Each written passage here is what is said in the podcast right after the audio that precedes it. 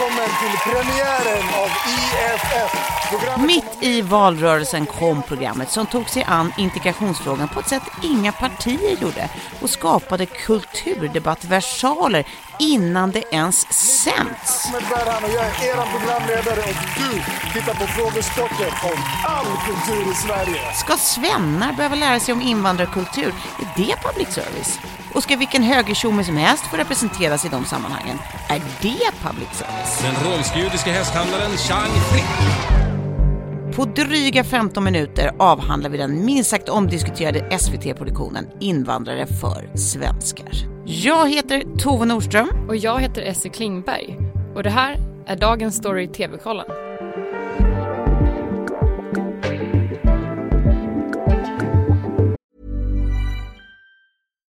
Millions of people have lost weight with personalized plans from Noom.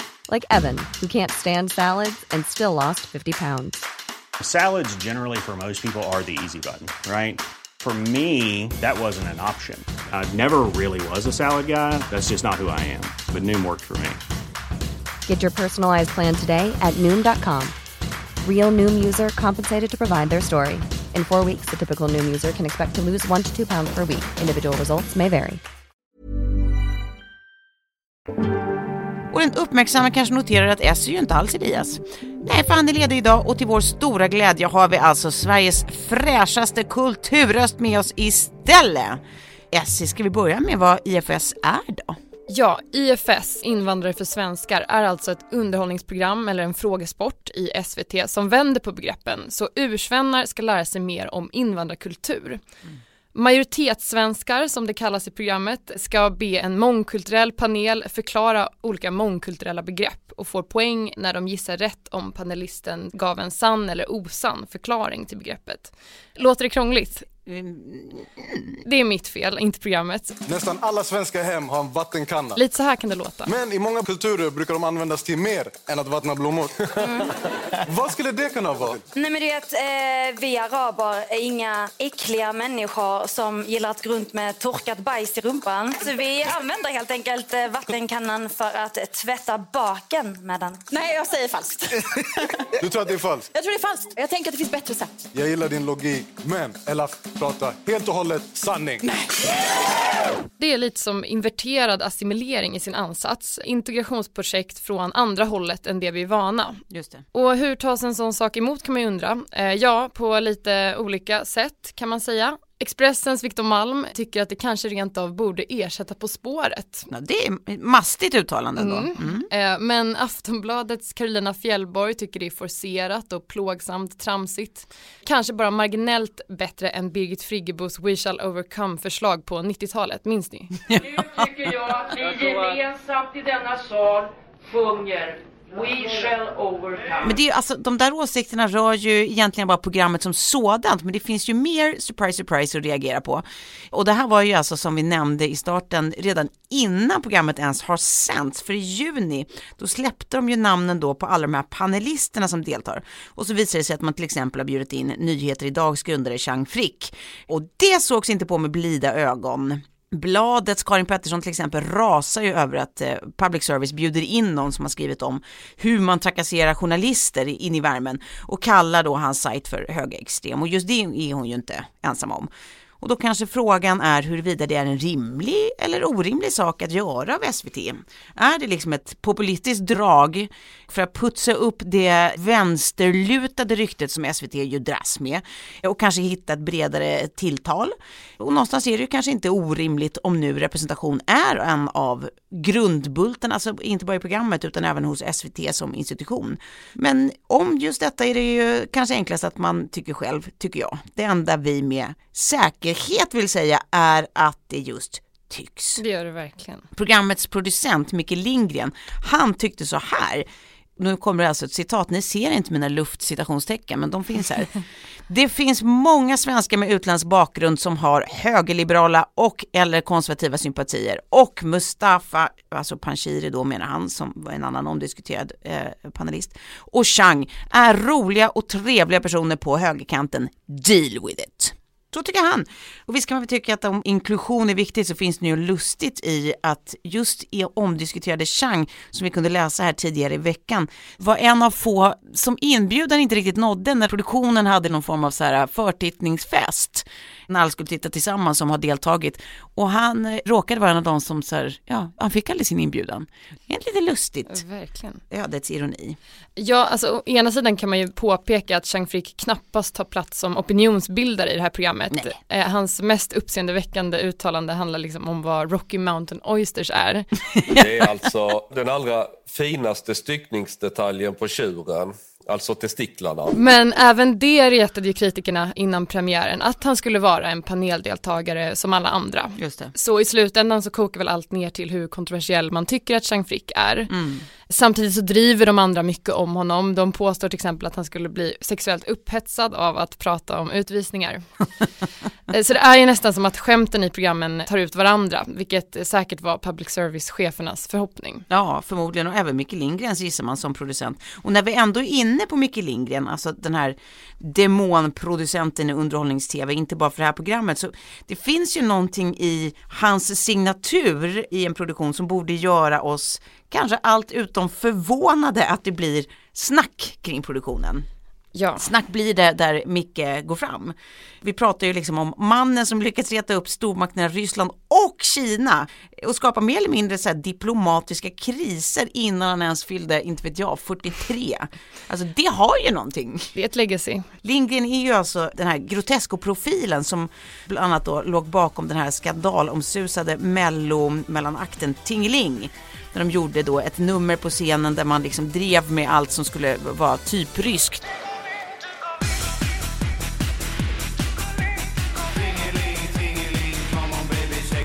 Det var babusjkor och det var björnar och det var skrik och det känns som det var typ vodkaflaskor, kanske inte var, det bara kändes så i mitt huvud.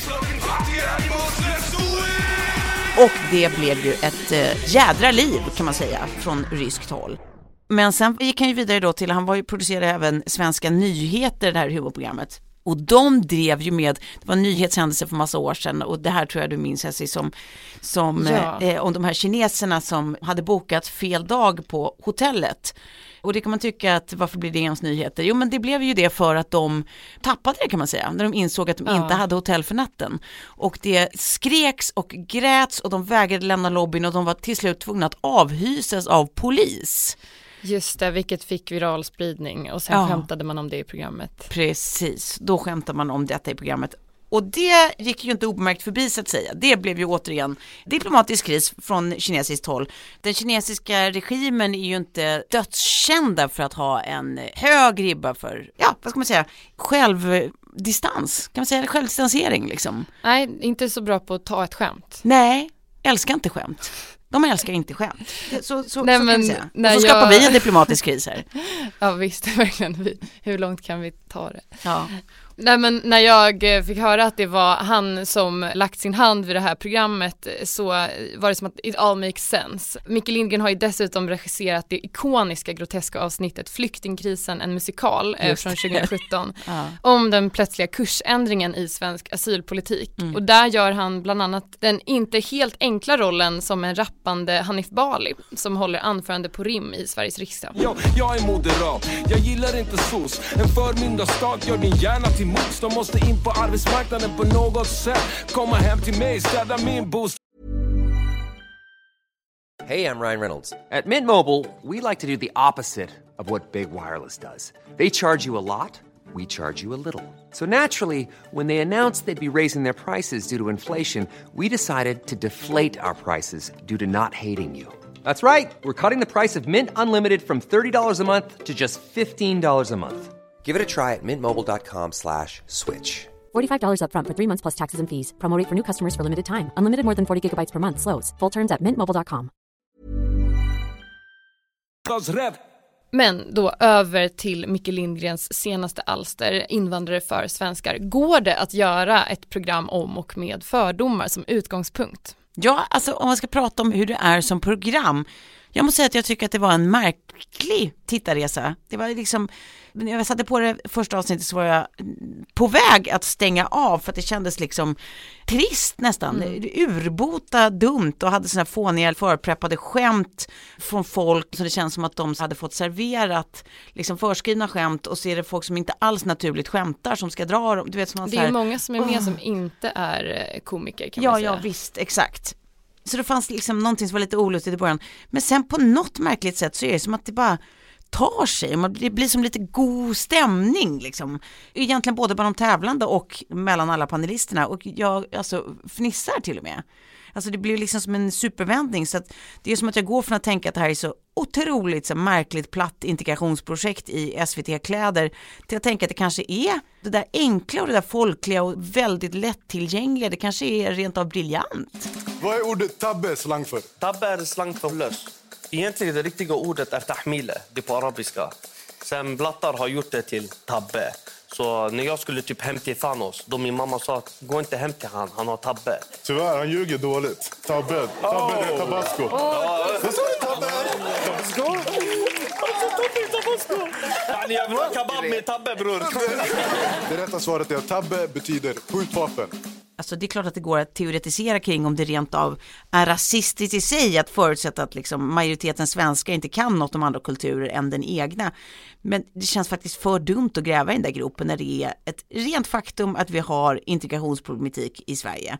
Och kan man inte någonstans då bara vara överens om att alla angreppsvinklar är värda att testa och även de som kräver viss självdistans. Och dessutom så råder det ju ändå någon slags demokratisk roast-stämning i studion kan jag tycka. Alltså, Jargongen är ganska hård. Ja men precis, åt alla håll. Alltså alla är ju potentiella offer och ingen enskild är liksom en utpekad dummis. För för det är ju liksom som att så här, här till skillnad från i både liksom gammel och nymedia, ja, jag menar social media, eh, men då är det liksom, det är på riktigt ganska högt i tak på ett uppfriskande sätt. Alla svär och skämtar med och om alla andra nationaliteter och kulturer, alltså inklusive sina egna. Så att det är lite så här, vem ska ta illa upp? Vem ska bli kränkt? Det är ju liksom i princip bara minoritetsrepresentanter i studion och uppsåtet är så otroligt uppenbart gott. Så att försöka liksom politisera verkar ju egentligen bara avgrundsidiotiskt. Ja, alltså man får ju konstatera att det är gjort med väldigt mycket hjärta och det är ett befriande grepp, det håller jag med om. Eh, men samtidigt så blir man ju lite fundersam över varför det funkar, för att jag menar humor är ju ofta en bra indikator på var det finns friktion. Ja, visst. Jag läste Caroline Ringskog eh, i Aftonbladet som var inne på det här i en text där hon skrev ändå att ja, men den här humorn är möjlig för att klyftan mellan då svennen som arketyp och invandraren mm. som arketyp är väldigt hypad just mm. nu. Mm. Och hon menar att det här gapet är i själva verket uppblåst. Istället så är det socioekonomi som utgör den verkliga klyftan. Men humorn säger ändå något om hur stark den här föreställningen om den andra är. Mm. Och eh, Ja, det känns som att det, det, kan finnas något i själva formen som skaver lite. Den här dynamiken som uppstår där eh, panelen är högljudd och impulsiv och kastar skor, avbryter medan de här tävlande svennarna då är försynta, tysta och alltså nästan så här fysiskt ihopsjunkna. Eh, tycker du det? Ja men jag tycker det och mm. nu förstår jag att det hör ju till gameshowens genre att eh, mm. ja, men vissa ska underhålla, några ska vara mm. vanlisar. Mm. Men det är ju intressant att eh, rollfördelningen blir så tydlig i det här sammanhanget. Mm. Och sen så kan man såklart invända mot att teoretisera kring humor överhuvudtaget. Ja, ja, visst. Men jag älskar att göra det, så bear with me. eh, det finns ju till exempel de som lyft att Eddie Murphys gamla humorrutiner om manligt och kvinnligt från 80-talet inte mm. funkar längre mm. eftersom att det hänt så pass mycket sedan dess. Medan hans skämt om rasism fortfarande har bäring eftersom att det inte alls eh, förändras lika mycket på det området. Mm. Och lite liknande tankar väcktes väl hos mig när jag kollade på det här programmet ja, men att programmet åtminstone utgår från föreställningen att vi skulle leva då i olika världar inom stora citationstecken. Men sen så tvingas man ju en bit in medge att det är jätteroligt att höra en tvärsäker Patrik säga att tabbe det betyder tabasco. det vet jag minsann. Jag älskar honom. Han var ju den charmigaste kanske. Det var han verkligen. Så in i det. Det är det är drömtyp av deltagare i vilket eh, sånt där typ av lekprogram som helst. Men sen ska jag också nämna att det känns ju rätt unikt att man hittar liksom ett forum där det flyger att kalla komikern Evelyn Mock för den gula faran utan att så här, chocktystnad uppstår. Och då för de som inte känner till henne så är hon, jag tror att hon är från Kina va? Ja, också en av Sveriges roligaste komiker. Ja, nej men alltså det är ju ganska otroligt faktiskt att det händer. Ja, alltså, jag tror också att det enbart är Ahmed Beran som hade kunnat komma undan med att eh, säga något sånt. Det tror jag du har en poäng i. Mycket av programmet vilar ju på hans charm, det är han som är programledare. Så att det finns ju ganska unika dimensioner till den här produktionen kan man säga. Ja, Som- som- otippad avsändare, SVT. Ja. Då har vi kommit fram till vårt avslutande succémoment Binge eller blä. Och då tänker jag bara köra på filosofin störst går först. Jag är störst så jag börjar. Ja. Jag är idel öra. Plötsligt händer det, jag har ett blä. Jag brukar ju vara väldigt positivt lagd i de här binge eller blä tipsen, eller otipsen. Men nu är det ett blä, fast ett blä med brasklapp. Okej. Ska sägas. Och det är Apple TV Plus eh, verklighetsbaserade spänningsserie Blackbird som det handlar om. Och det är inte ett givet blä, det börjar väldigt bra ska sägas den här serien. Det är jättespännande och det är värsta snyggisen som spelar i huvudrollen och så här knarkbrottsdömde Jimmy Keen som, som erbjuds då en uppgörelse att gå undercover och så ska han få en sinnessjuk seriemördare att berätta var hans okända offer ligger begravda och på så sätt få sitt eget straff upphävt. Men sen är det som att det blir liksom som en jättelångsam pyspunka. Att det bara kommer inget riktigt mastigt crescendo och I love me some crescendo, det bara är så. Så att eh, det blir ett blä den här gången. Ja, det var oväntat att höra en diss eh, från din sida, Mm. men jag väger upp det med en hiss. För jag bingear ju nästan aldrig någonting. Men under hela sommaren så har jag längtat efter komikern Nathan Fielders omåttligt förhandshypade The Rehearsal på Mm. HBO. Och eh, jag blev inte besviken. Serien utgår då från att han ska hjälpa privatpersoner att förbereda sig inför avgörande ögonblick i sina liv genom att anställa professionella skådespelare, bygga enormt påkostade scenerier och sen agera ut alla möjliga potentiella scenarion Ja. som skulle kunna utspela sig. Och det här låter ju såklart jätte, jättekonstigt men det blir konstigt på ett sätt som absolut inte går att göra rättvisa i poddform. Man måste helt enkelt kolla. Ja, så kolla.